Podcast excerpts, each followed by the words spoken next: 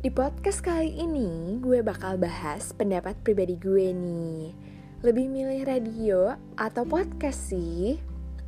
Untuk sekarang gue sendiri lebih milih yang lagi hype banget Apa tuh? Yep, podcast Kenapa?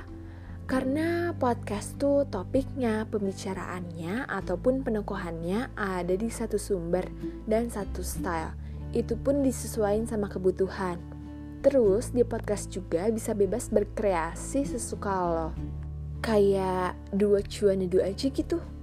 Menurut gue radio itu terlalu heterogen. Terus juga gak semua yang ada di radio lagi dibutuhin baik topiknya maupun si style penyiarnya.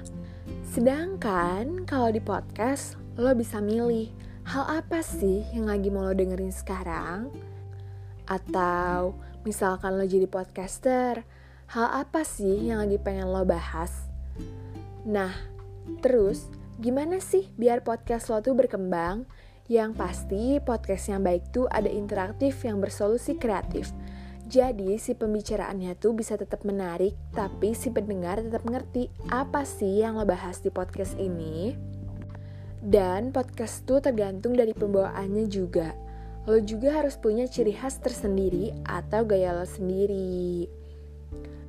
Tapi masing-masing ada kelebihan dan kekurangannya juga kok. Nah, sekarang kalau dari lo sendiri, lebih milih radio atau podcast sih? Mungkin segitu aja yang bakal gue sampein. See you on my next podcast maybe. Bye!